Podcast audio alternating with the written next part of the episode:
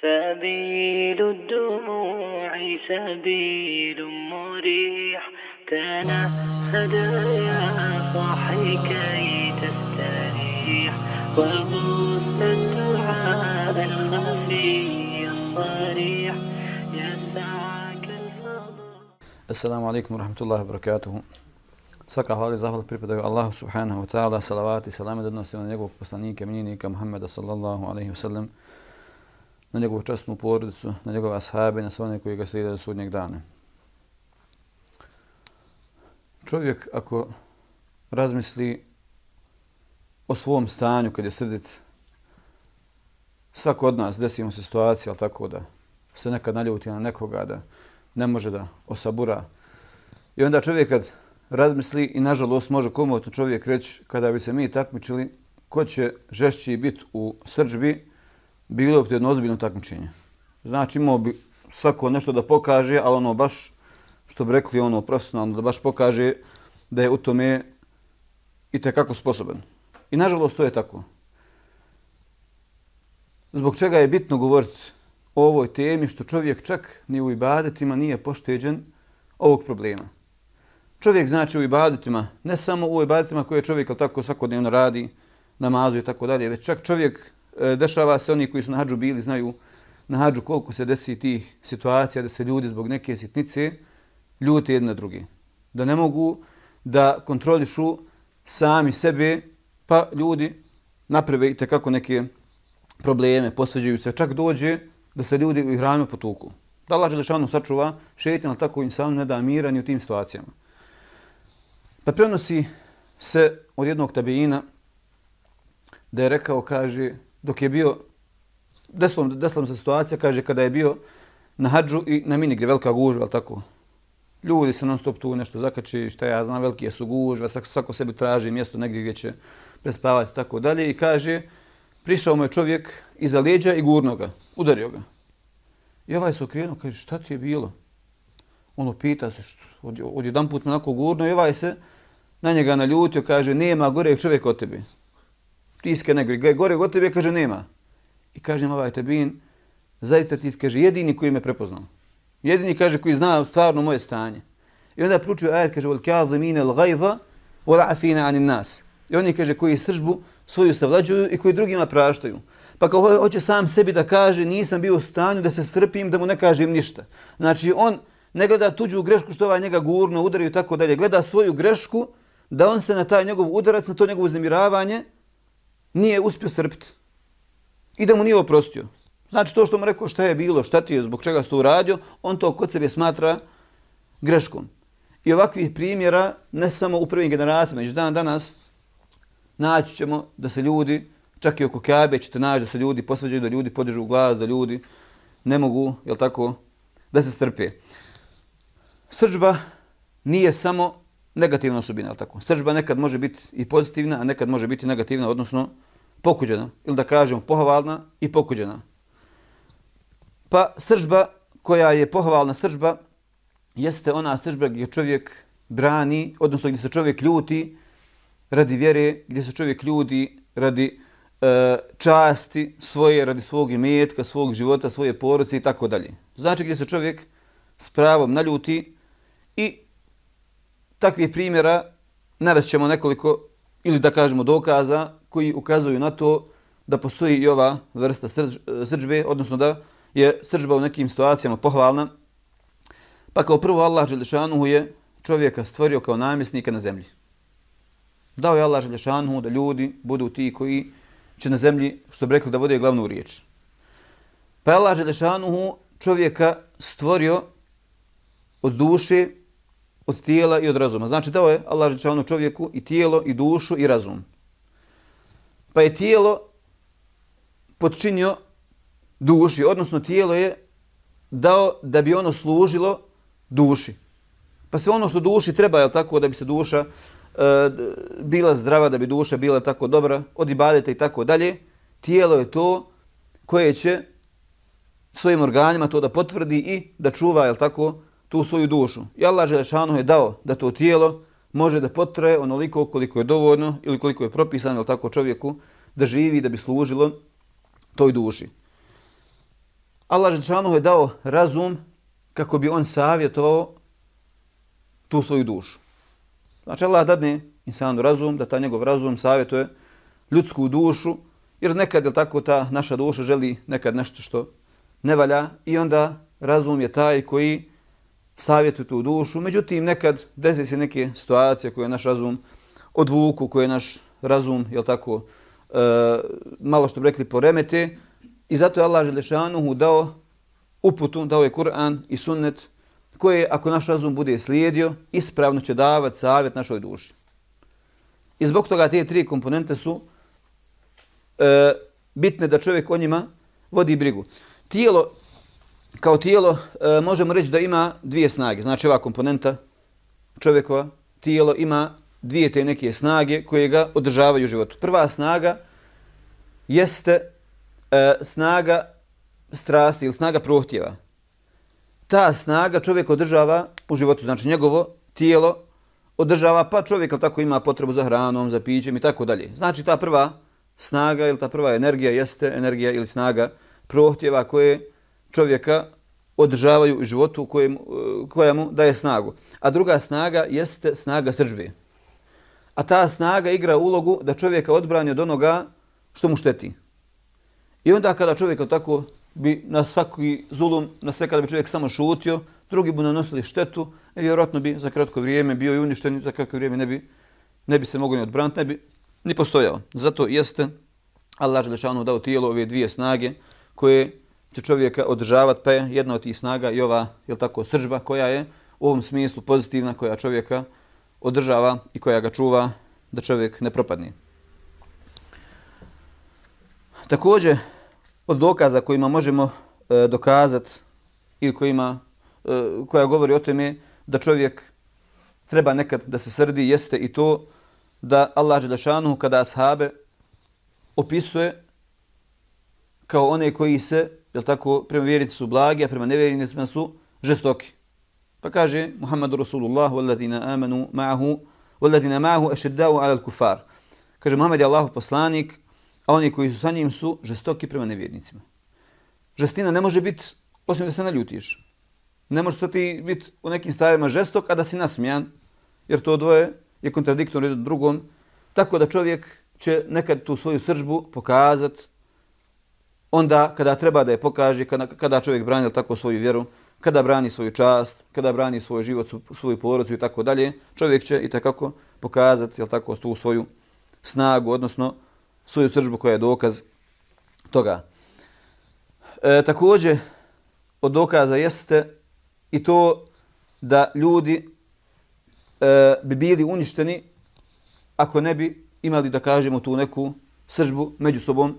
Pa kaže Allah Đelšanu, وَلَوْلَا دَفْعُ اللَّهِ النَّاسَ بَعْضَهُمْ بِبَعْضٍ لَفَسَدَتِ الْأَرْضِ Pa kaže, a da Allah Đelšanu ne suzbija ljude jedne drugima, na zemlji bi doista nastao nered. Znači Allah Đelšanu dadne da ljudi, jel tako, kad neko napravi neki problem, drugi se naljuti i spriječi ga. Znači, ne da se naljuti zbog nečega svog, govorit ćemo kasnije o drugoj vrsti koja je pokuđena, već u ovom pozitivnom smislu, znači neko napravi neki prekršaj, neko udari nekoga, ubije nekoga, drugi ga prepuste samom sebi, ništa jednostavno uradio neko zlo, neko je nanio zulum, svi ga puste, ne, zato kaže Allah Želešanuhu, suzbija ljude jedne drugima. Znači da jedni drugi opominju, da jedni drugi čuvaju od toga. E, u ovom smislu Imam Gazalije, kada bi govorio tako o sržbi, pa su mnogi oni koji su nakon njega došli su e, prepričavali ili ukratko bi skratili te neke e, teme, obradili bi tematski, između ostalog su i govorili isto e, o sržbi. Pa Imam Gazalija kada govori e, o sržbi, dijeli je, dijeli je na tri vrste. Pa kaže, prva sržba jeste ona sržba ili e, stepen sržbe koji je umjeren. I to je ono što je pohvalno što čovjek kod sebe treba da ima, da čovjek brani ili tako sebe, svoj život, svoju vjeru, čast, imetak, porodicu i tako dalje. Pa kaže, ako čovjek se ne bude srdio zbog toga što ljudi njega napadaju ili što ljudi njemu čine neki zulum, prijetit će mu nestanak. I onda samim tim, jel tako čovjek ne treba da prešuti u takvoj situaciji, čovjek treba da na nepravdu, da se naljuti i da sam se odbrani jer u suprotnom prijeti će mu nestanak. Također kaže onaj koji se ne, koji se ne rasrdi po pitanju vjere, takav, kaže, postoji mogućnost da će se prebacivati iz jedne u drugu vjeru, da će izgubiti, jel tako, ta njegova vjera smisao, pa neko ti vrijeđa vjeru, neko ti psuje, ništa ti samo šutiš, kada se ništa nije desilo, jednostavno prešutiš, što je to. Nažalost, danas ćemo naći da mnogi ljudi, e, kada se vjera uvrijedi, da jednostavno to je nešto ono, pa hajde dobro, to je, što bi ono, nema veze, hajde šta ćeš, ne mogu mu ja ništa. Uvrijediš mu nešto dunjalu kao što on voli, evo recimo primjer, klubovi, utakmice i tako dalje. Jedan navija za želj, drugi navija za Sarajevo i sad ne znam, ode on na utakmicu da gleda, na, na utakmici to se ne uzbila psuje, razumije što se čini raznorazni grijesi, ali hajde, ono nema veze, hajde.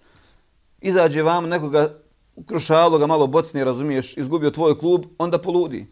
To je nerealno. To nema smisla. Znači, ljutiš se zbog nečega što nema nikakve, apsolutno nikakve veze sa vjerom, jer voliš nešto što ne bi smio da voliš. Ne smiješ svoje srce za te stvari vezati. To ne veze sa vjerom. Svoje srce vežeš za ono što ti Allah Želšanu dao da ga vežeš. Vežeš svoje srce za Allaha, njegovog poslanika, njegovu vjeru.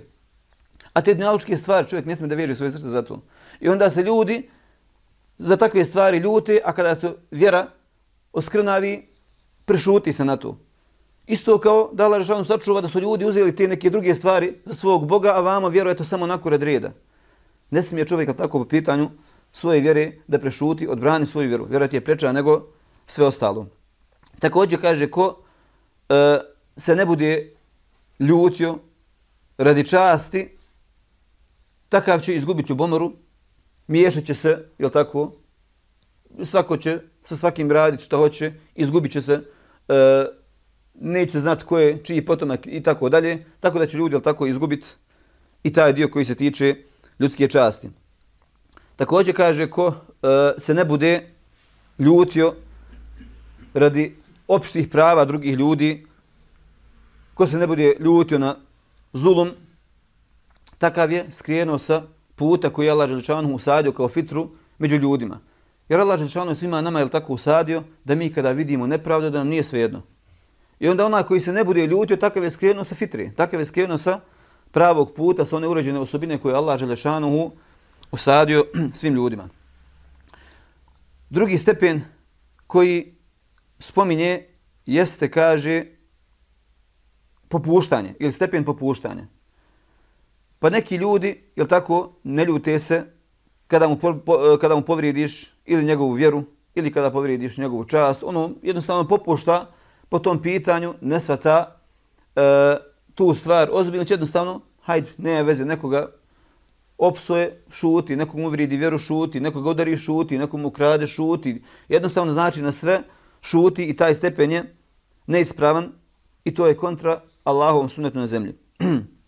I treći stepen koji navodi jeste stepen pretjerivanja, a to je da čovjek izađe iz kruga umjerenog, pa da onda kada e, se naljuti zbog neke situacije, zbog svog nekog nefsa, zbog, zbog svojih prohtjeva, prijeđe granicu, granicu u srđbi i mnogi hadisi koji govore o ovoj vrsti, odnosno mnogi hadisi koji kada e, govore o sržbi ili pogođenosti ove osobine, ciljaju, jel tako, na, na ovu vrstu, na ovu vrstu sržbe. Ova druga vrsta sržbe o kojoj ćemo govoriti, e, od dosta se hadisa spominje, između ostalog i ajet koji smo citirali, tako oni koji svoju sržbu savlađuju i koji ljudima praštaju, Allah Želešanu voli one koji praštaju. Pa se desio e, slučaj sa jednim od halifa, kaže da jedna njegova robinja dok je on dal se abdestio il, i kaže prosu, prospije mu vodu i polije ga. Pa se sad rasrdio se u tom trenutku, podigao glas i ona se prepala, međutim sjetla se ovog ajeta i kaže njemu vol kadli min al gajd, oni koji svoju sržbu savladaju. Pa kaže on, savladao sam svoju sržbu. Kaže ona, vola afina anin nas. Kaže oni koji opraštaju ljudima. Kaže on, oprostio sam ti. I onda ona završava, kaže, Inna Allah yuhibbul muhsinin, Allah kaže voli one koji su dobročinitelji, kaže slobodan si. Pa je oslobodio. I pokazao tim da je zadovoljan Allahom Đelešanu i da je htio da pokaže svoje zadovoljstvo Allahom kao, kao gospodarem. Od hadisa koji govori o ovoj temi jeste hadis koji se prenosi od Ebu Hurira radi Allahom gdje kaže poslanik sallallahu alaihi ve sellem nije žestok onaj koji druge ljude, jel tako, pobjeđuje u hrvanju i tako dalje, već je kaže žestok onaj koji se savlada u sržbi. Jer tu je u stvari pravo pokazivanje žestine. Prava, pravo pokazivanje muškosti je tu. Jesi li ti faca, jesi li ti hrabar ili nisi, tu ćeš pokazati. Jer kao što smo rekli, svi, pa čak i oni koji su možda fizički najslabiji, znaju i kako da podignu glas. Međutim, tu će se svako pokazati ko je pravi junak. Ako zaista ustane da se savladaš u situacijama, u trenucima srđbe, kada je u pitanju tvoj ponos ili tako, neko ti nešto tebi prigovori, dirati u tvoj nefs, dirati ili tako tvoju dušu koja je sklona zlu, nešto što ti voliš, neko ti uvrijedi, znači nema veze ni sa časti, nema veze ni sa vjerom, nema veze ni...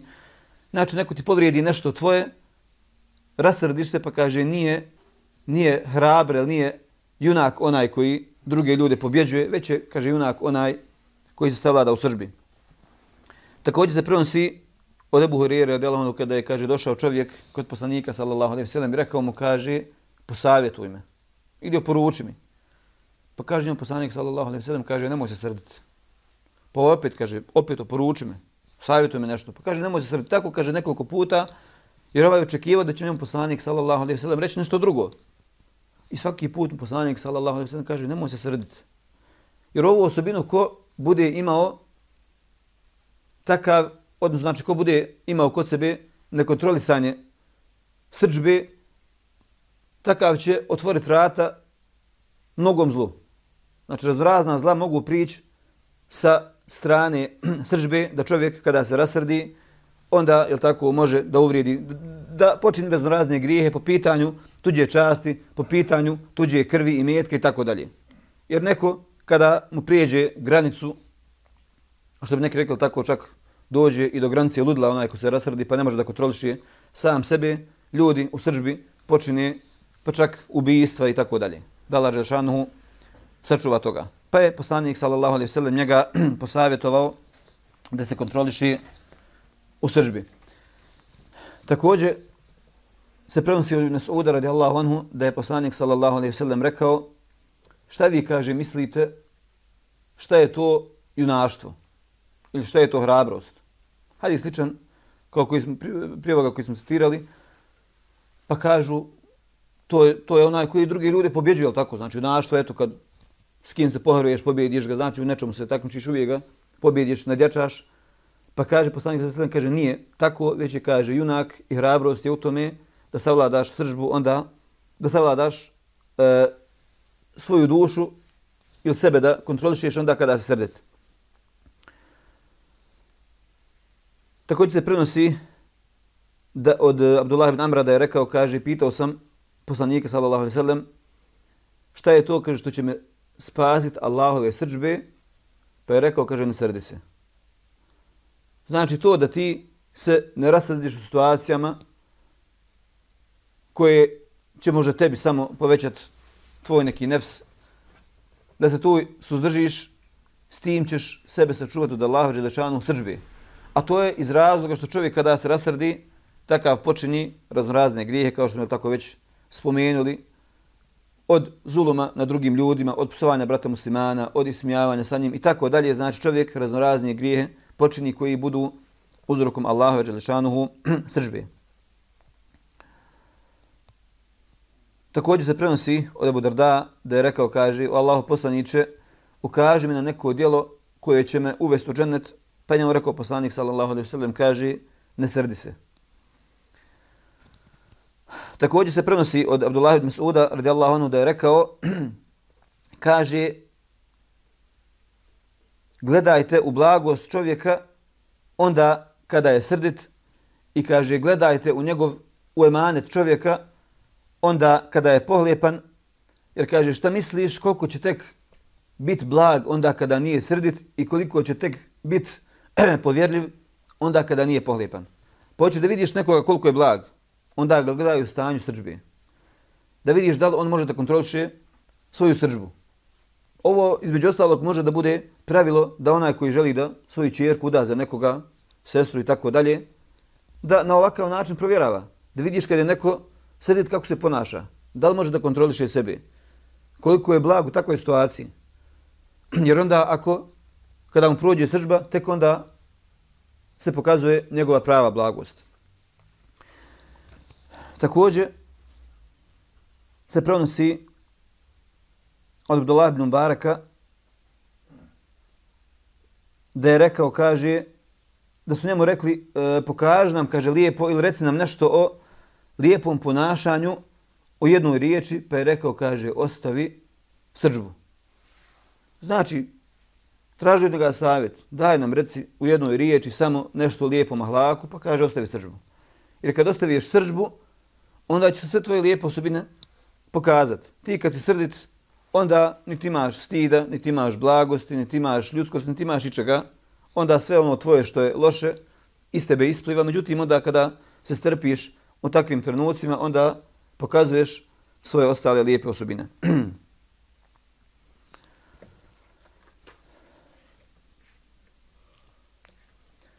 Srđba, kao i sve druge loše osobine, imaju i svoje uzroke. Večera ćemo spomenuti nekoliko uzroka. Kao prvo, ko i kod većine e, loših osobina jeste loše okruženje.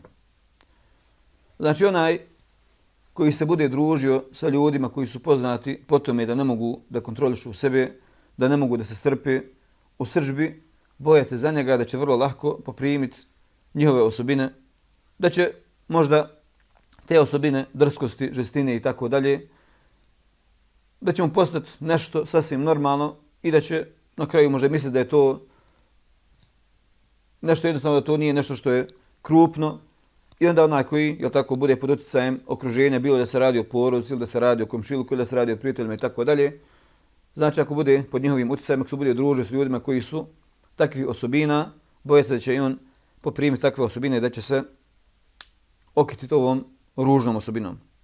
Također od uzroka ili od stvari koje uzrokuju ovaj problem jeste, jeste rasprava, jer obje strane, kada se tako dvojice raspravljaju, cilj im bude da pobjedi, je tako da on bude u pravu, nažalost, a govorili smo o raspravi u jednom od prvih predavanja, govorili smo tako o štetnosti rasprave, i onda dvojica koji se raspravljaju, jedan i drugi hoće da su u pravu, jedan i drugi teže, je tako, e, ka tome da na neki način dokažu da su oni ti koji su na istini, i onda iz tog razloga nastane svađa iz tog razloga, onda je tako nastane i srđba koja se na kraju teško može kontrolisati, jer pogotovo ako je cilj rasprave, jer rekli smo tako, e, razlika između rasprave i dijaloga je velika razlika, e, velika razlika, onaj koji vodi dijalog, takav želi da sazna istinu, dok onaj koji se raspravlja želi samo da dokaže da ono na čemu onda je to istina i da je sve drugo neistine, onda je tako pokušava da nađe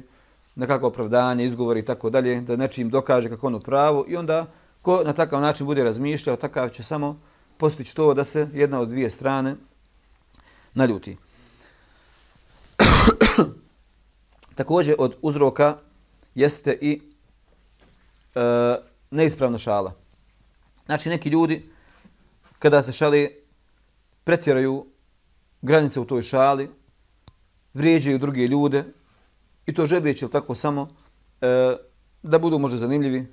Međutim, ne može svako da trpi, možda neko se s nekim našali jednom pa vidi, haj ovaj se nije ne ljutio, strpio se, pa drugi put dok ne pretjera granicu, jel tako, i onda na takav način mogu da pokvare prijateljstvo, mogu da pruzrukuju još veći problem, tako da e, pretjerana šala i neispravna šala e, biva uzrokom biva uzrokom sržbe, a poslanik sa selim kada se šalio, nikada nije vrijeđao druge ljude, nikada nije lagao u šali, već se šalio na ispravan način, šali se tako da nekom situacijom nasmije drugi ashabe, ali da nikoga ne uvrijedi.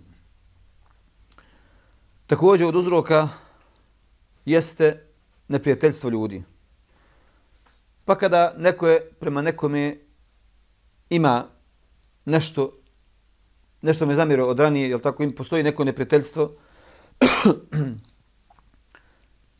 Na kraju to kada se ponovo pokrene, kada ponovo zaživi, biva uzrokom da se čovjek rasrdi,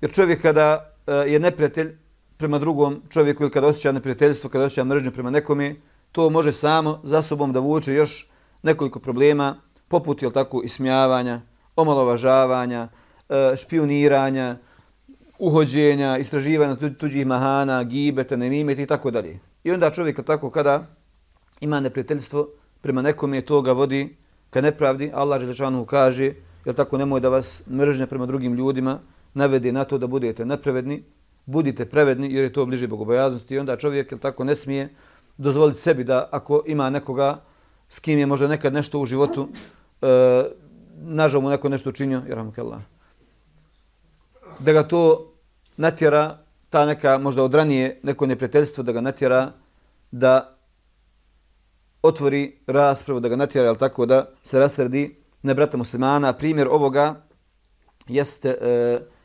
primjer plemena Eusa i Hazređa u vrijeme poslanika sallallahu alejhi ve sellem. Znači prije njega su prije poslanstva su ta dva plemena, jel tako su uvijek imali neka neprijateljstva, netrpeljivosti i tako dalje.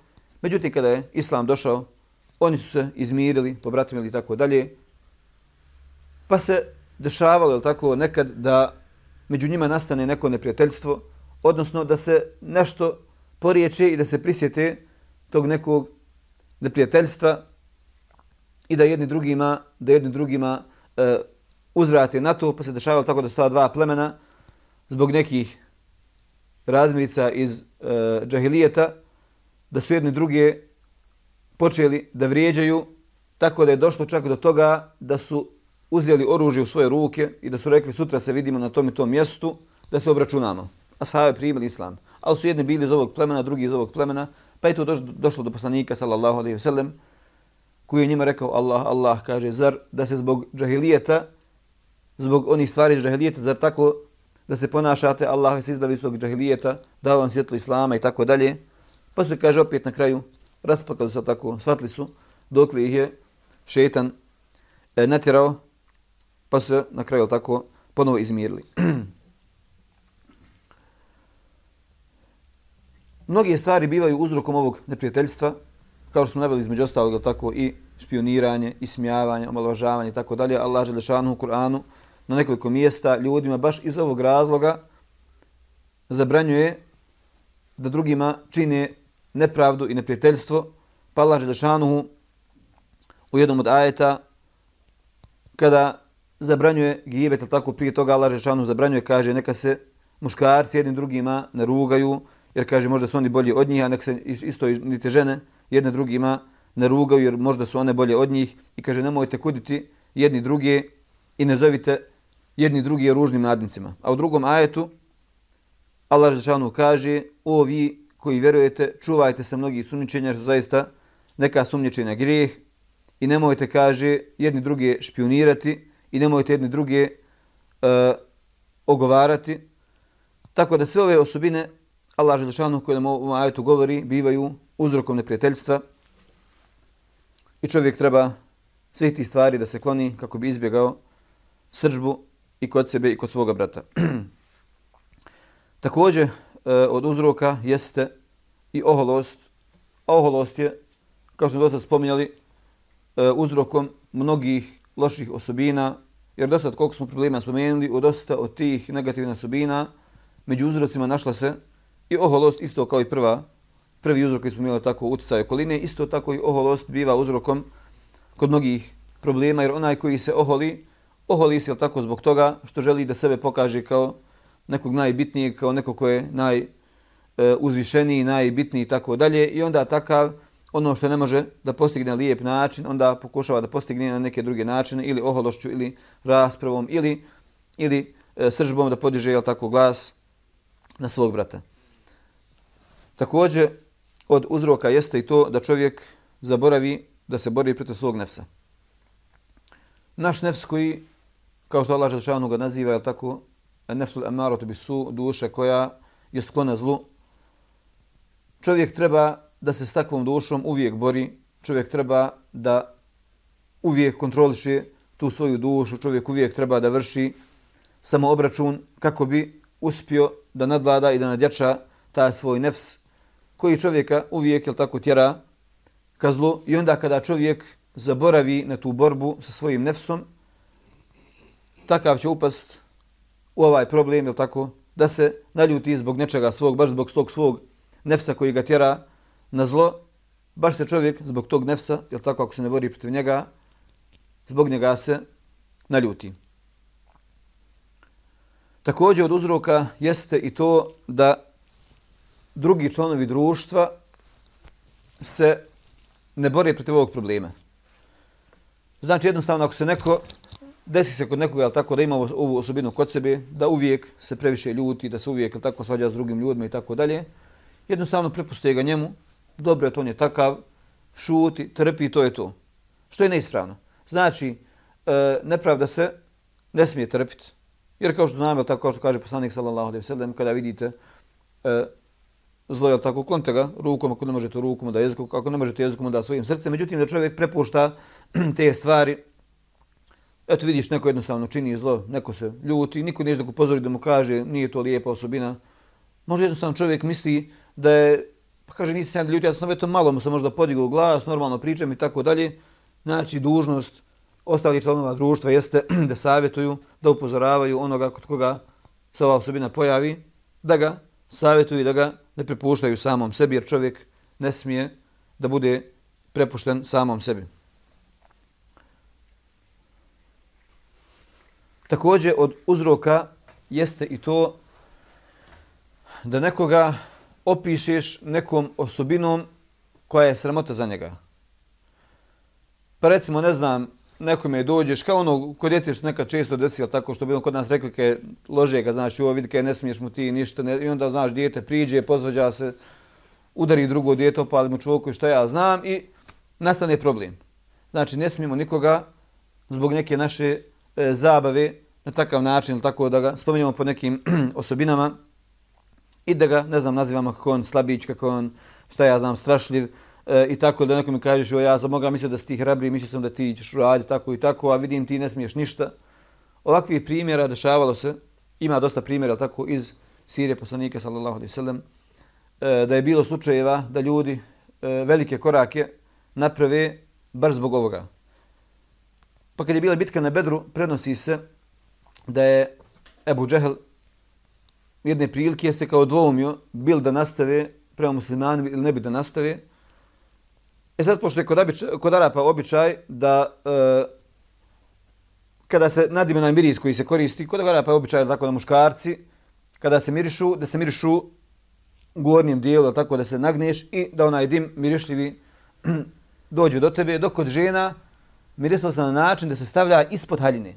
Pa kaže, došli su, kad je Ebu Džehl počeo kao da se dvoumi, došli su mu, kaže, i uzeli su taj to mi iz koje dim izlazi kaže stavili su mu ispod odijela, kaže evo kad već kaže žena, evo ti. Kao dvom je se dal da ide u bitku i onda su na ljudi, kaže ma idemo u bitku i krijenu u bitku.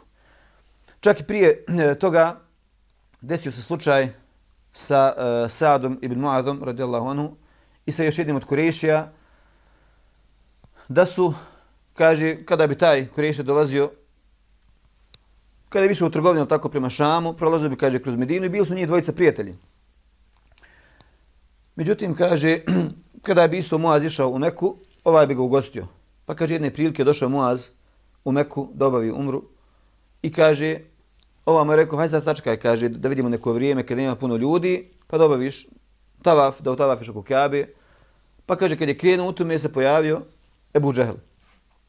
I rekao je, kaže, ja to vidim, tebe da tavafiš, jes kaže, ja sam sad, ja tavafim. Jer je bio pod zaštitom ovog kureši, ovog mušika. Pa kaže, nakon toga, kaže da nisi pod njegovom zaštitom, kaže, ja bih pokazao. Pa se ovaj naljutio na njega. Sad, kaže, tako mi Allah, kaže, ne znam što da uradiš, kaže, ne bi me mogao zabraniti ovdje. Pa njemu sad ovaj njegov prijatelj govori, kaže, nemoj podizati glas na, na ovog mog, na ovoga, kaže, našeg gospodina, ciljeću tako nebu džehla. Pa sam da njemu sad okrivenu kaže, slušaj, ja sam čuo poslanika, ali selam da je rekao da će on, kaže, tebe ubiti. Jer poslanik Ali Selam prije bitke na Bedru je rekao vidio sam toga i toga, toga i toga, tako vidio sam i kaže da su ubijeni. Pa ovaj se kaže prepuo. E, kaže Muhammed, Muhammed kaže nikad ne laže. Sallallahu alejhi ve sellem. Kaže on kad kaže nešto kaže ispuni to. On kaže nikad ne laže. I otišao je date, otišao kod svoje žene i rekao je tako i tako. Došlo je vrijeme bitke, na tome je završilo, došlo je vrijeme bitke na Bedru.